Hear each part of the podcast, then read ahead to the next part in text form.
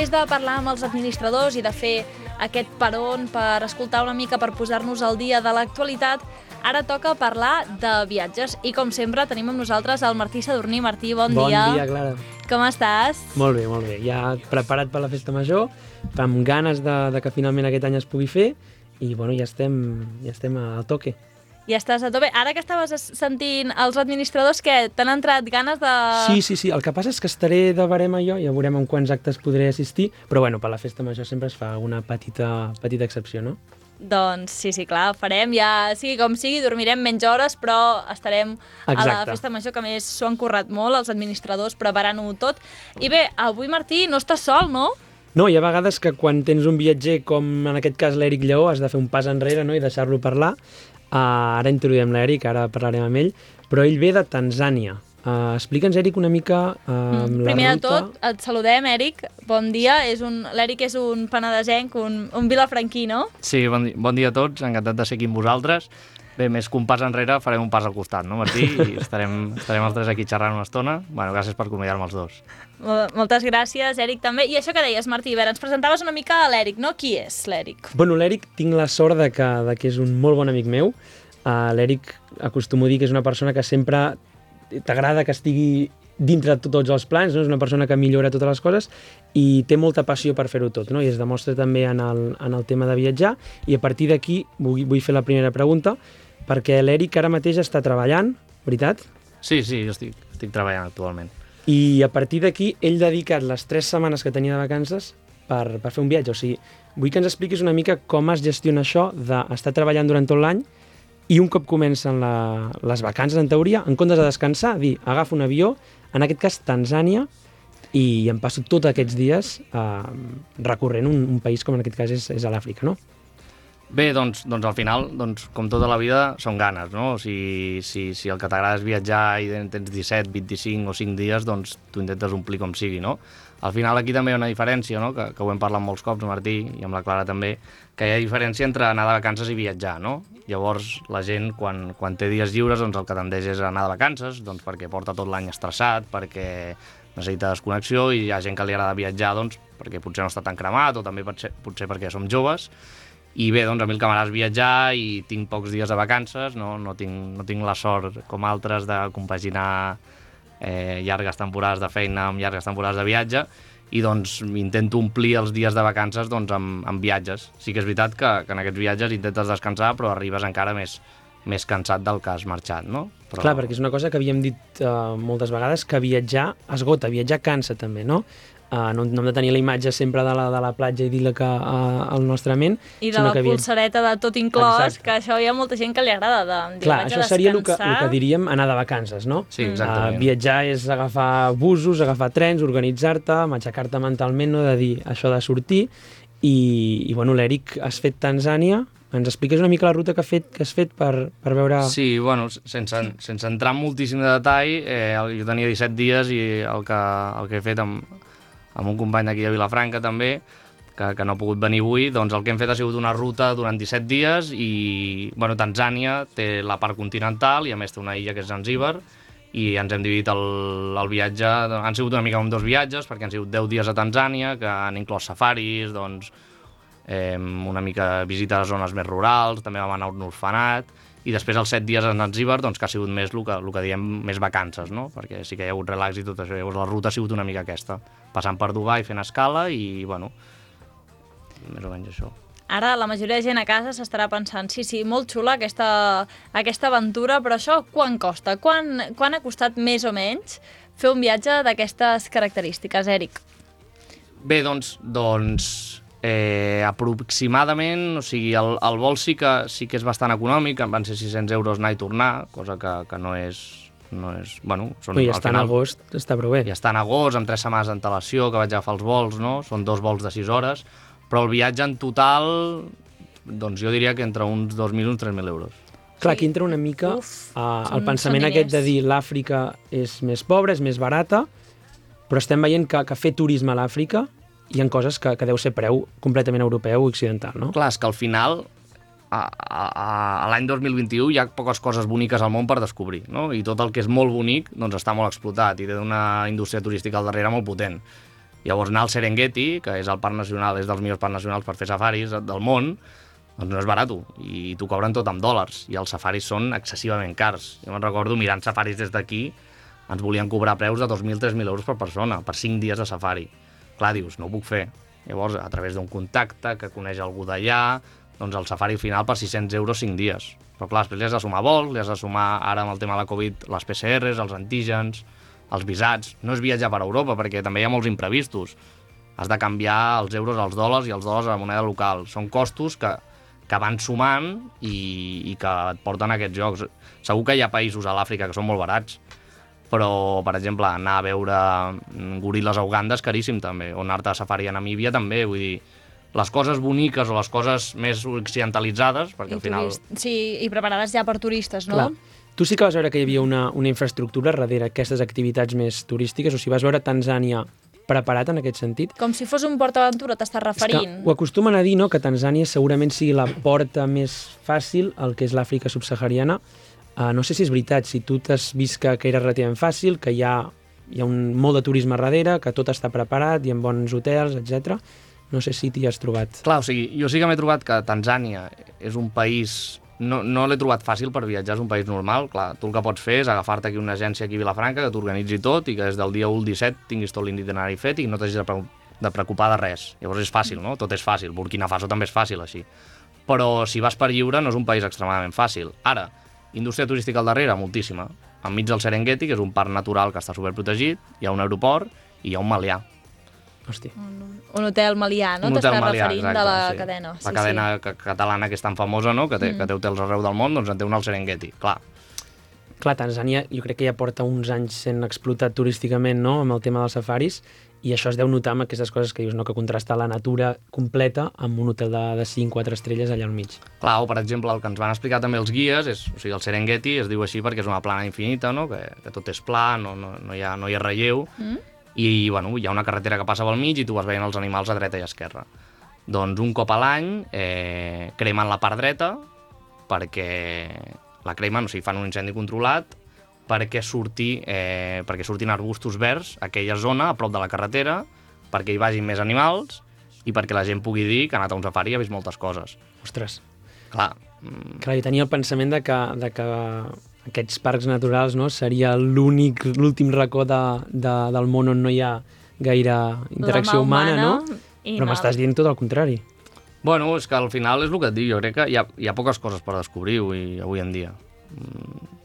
Clar, estem parlant de que potser un gran percentatge del PIB de, de països com Tanzània, Kènia, és precisament per, pels safaris i pel, pel turisme que, que reben, no? Clar, per exemple, a Tanzània també hi ha el Kilimanjaro, que és el, el pic més alt de, de l'Àfrica. Doncs pujar al Kilimanjaro són 2.000 euros. Es comença per 2.000 euros.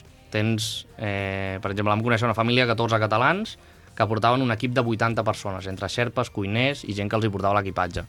O sigui, és està una tot... ciutat pujant al Kilimanjaro. Clar, eh? bueno, també diuen que l'Everest són com les Rambles, no? que hi ha, Sí, un, sí, sí. hi ha un munt de gent, llavors mm, hi ha poques coses autèntiques. Segur que hi ha altres països que estan, no sé, com, com tu vas fer a Guatemala, que està molt menys massificat, però, però aquests llocs, per molt que sigui l'Àfrica, ens pensem l'Àfrica com algú molt pobre, i realment és molt pobre, però hi va molta gent, o sigui, Tanzània històricament hi ha anat molta burgesia europea en els últims 30 anys. I a per part algú que- hi ha un malià, no? que crec que tots més o menys, ara parlaves de Guatemala, però inclús a Guatemala tots fèiem una, una mateixa ruta i per tant aquests llocs ja s'havien convertit turístics, no? Suposo que Tanzània també una ruta bastant marcada, no? amb el que has dit abans, Zanzíbar, la, el que és la capital econòmica que seria Dar es Salaam i el safari, vull dir que al final segur que, segurament que hi ha zones de Tanzània que, que no hi va ningú i que allà és aventura pura, però les zones més maques, més uh, turístiques ja estan matxacades.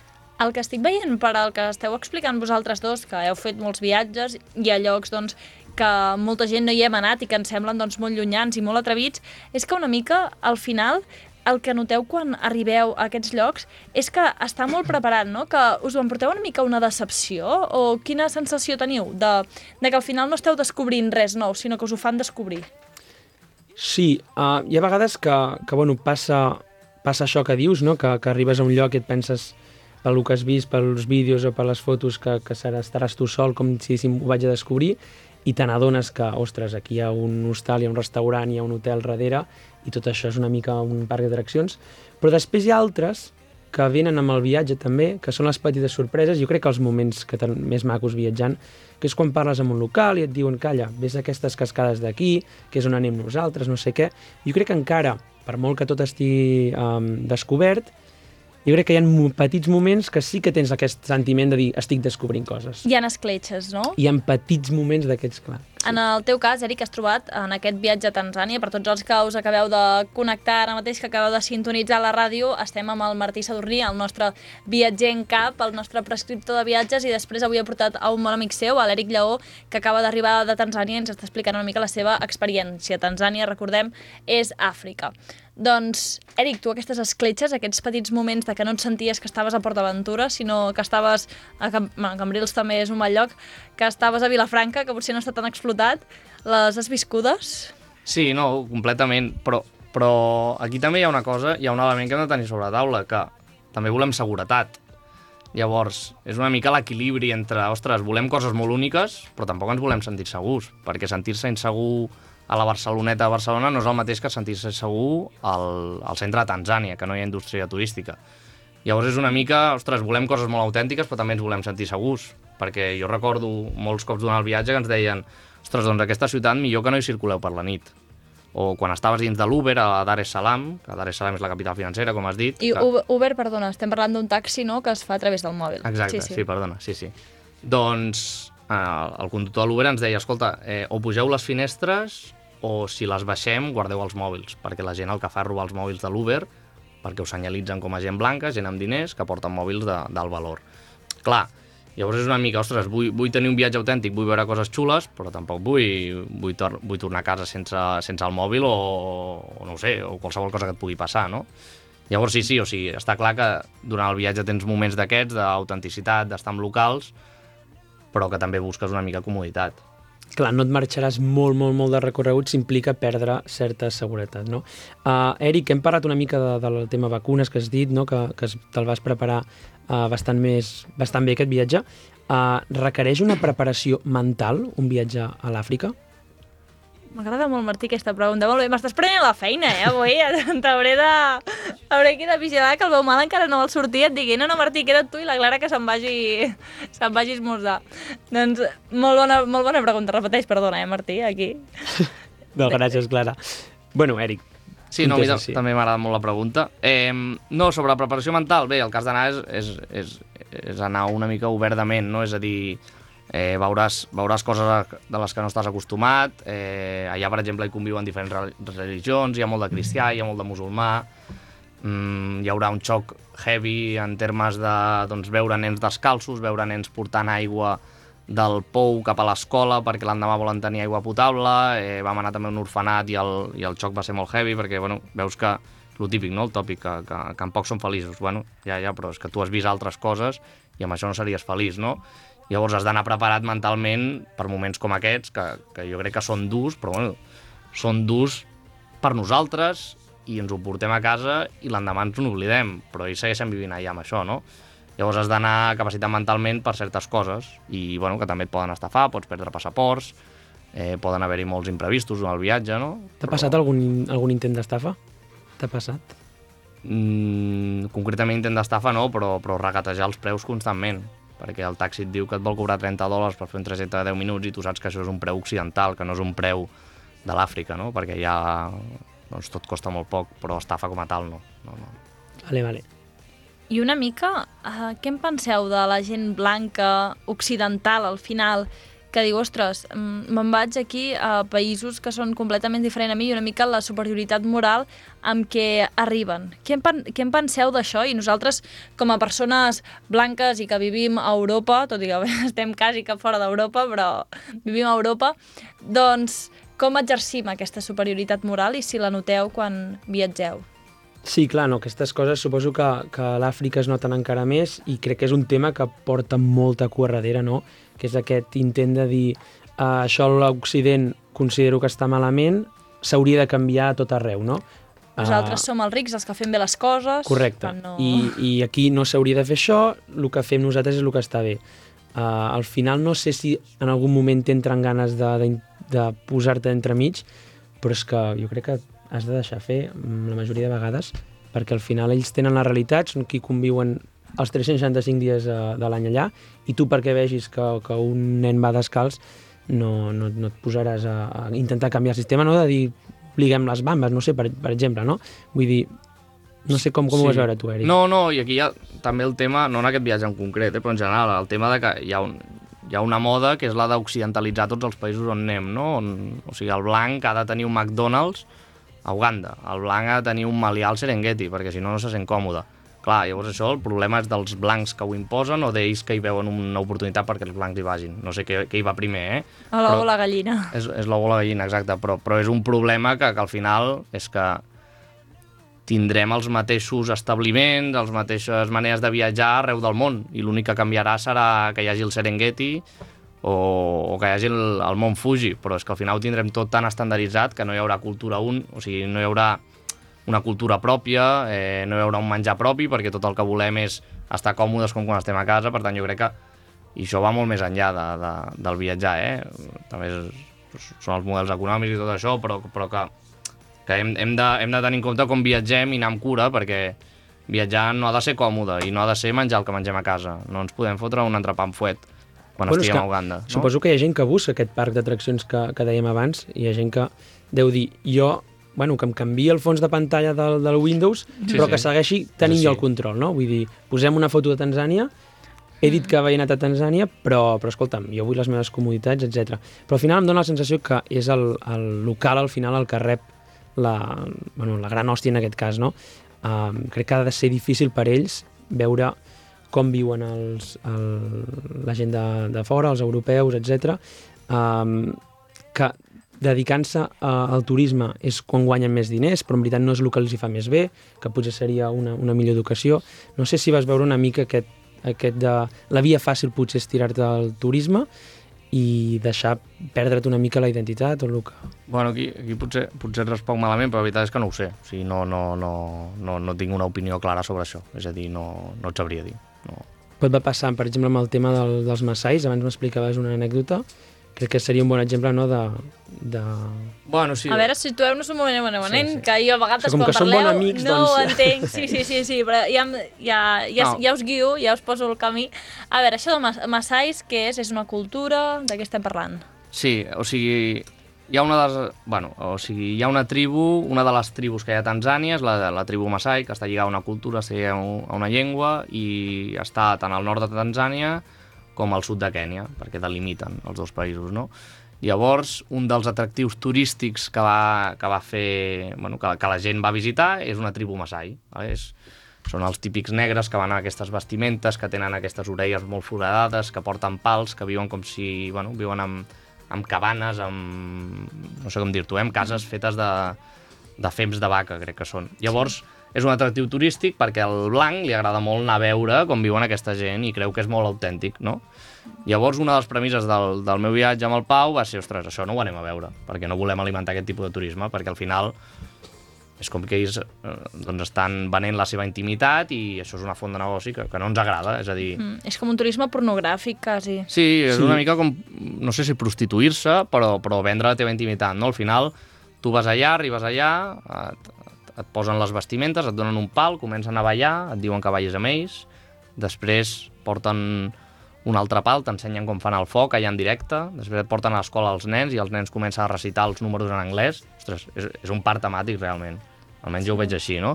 I bé, una de, bueno, una, una de les discussions que, que teníem el Martí i jo, eh, bueno, dels, dels temes a debatre, no, ostres, això realment els beneficia a ells o els perjudica?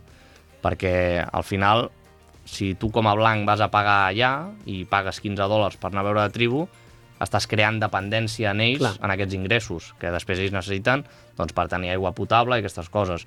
Però llavors realment estan venent una vida que no és, no? Mm, clar, seria com un benefici immediat no? en contra d'un benefici a llarg termini. Uh, un benefici immediat és agafo aquests 15 dòlars i amb això puc comprar el que sigui, però benefici a llarg termini és on la meva família potser tindrà sempre dependència de, del blanquet que arriba cada any a veure'm fer aquest show. A Guatemala m'ha passat un cas una mica similar amb un volcà que vam pujar i allà t'obligaven a anar amb, un, amb una mena de guia, no també? Aquest noi tenia 18 anys i em deia que des dels 14 que feia això i el seu pare també ho havia fet, portant ja els primers turistes. Clar, el seu pare, llastimosament, suposo que aquí es fica entremig i diu tu no cal que estudis, tu a partir dels 12 anys m'acompanyes i pugem uh, els turistes a aquest volcà. Llavors és un, ostres, sí que òbviament podran tenir accés a certes coses que, que potser abans no tenien, però també la vida està molt limitada, està molt marcada, no?, en aquest cas. No ens hem d'oblidar, però, que aquí també el turisme és una gran font d'ingressos. En el cas de, de Catalunya i, i d'Espanya en general, la- l'economia està bastant dirigida al turisme i ara amb, amb el Covid també s'ha vist agreujada. Que potser aquestes reflexions també es podrien aplicar una mica al Sí. nostre entorn. Però potser no és tan evident aquesta necessitat no?, que tenim de dir és l'única opció que tinc, ho parlàvem amb el, amb el tema dels massais, com que potser es veuen que és l'única alternativa que tenen per, mm. per poder comprar certes coses i sortir endavant. Clar, al final aquí tenim un problema amb el model turístic i, per exemple, ara s'ha vist Menorca, no? que l'altre dia hi ha un article, està massificat, o sigui, la gent està desesperada perquè és, és dels anys que més gent hi va i no és sostenible, però almenys la gent no, no perverteix la seva intimitat a, a causa d'això, no? Mm. Mm. Sí que és veritat que la gent viu del turisme, necessita viure-ho, però és una dependència del turisme, però és una mica diferent, però sí, sí, estic d'acord. I bé, ara que estàveu parlant d'aquest viatge, sobretot en el teu cas, Eric, de Tanzània, i ens l'has venut molt sincerament, que ho agraïm, però ens has dibuixat un panorama que no sé si voldràs tornar a anar-hi, perquè sí que has, dit parts bones, però també has destacat algunes parts dolentes, no? Bé, és que, és que t'estaria mentint si, si només et destaqués coses bones d'un viatge de 17 dies. Evidentment ha sigut una experiència fantàstica, és el millor, fan, és, és el millor viatge que he fet fins ara i m'ha agradat molt, però també hi ha coses, o sigui, al final, quan viatges, com a la vida, doncs has de fer coses i t'has d'equivocar per, per poder-les recomanar i per poder-les desrecomanar, no? És a dir, jo el dels massatges no ho tornaria a fer, però hi ha moltes altres coses que m'han agradat. Per exemple, l'experiència al safari ha sigut acollonant. És a dir, hem estat 5 dies de safari, ara també t'he de dir, és una pallissa. O sigui, no és... Per mi no és, o sigui, no és còmode. O sigui, si vas allà a relaxar-te, no, no ho faràs. No sé que vagis al Malià, eh, i vulguis pagar 2.000 euros la nit, però no, no. Estem fent publicitat del Malià, eh? Sí, sí, Sí, sí, sí, ja. perdoneu, eh? Sí, sí, no, no, que vinguin després, que Sí, ens no. enviïn tres entradetes i anem a, anem a un hotel o alguna o com a mínim a la piscina, a fer-nos un massatge, que suposo que hi ha maliars a tot arreu. Doncs, bueno, això, que, això que deies, Eric, doncs que hi ha les coses bones i... No, hi ha les coses bones i les coses dolentes, com, com a tots els viatges, no? Quan, quan te'n vas 7 dies a Lloret de Mar també hi ha coses bones i coses dolentes. Doncs anant 17 dies a un país que no coneixes, amb una cultura diferent, doncs evidentment hi ha coses boníssimes, però hi ha coses també que, per exemple, el neguit d'esperar que la PCR sigui negativa. Allà hi havia les discoteques obertes, hi havia moltes festes a les illes, i bueno, doncs és un neguit perquè dius, hòstia, l'endemà he de treballar i es queda arribar sí o sí.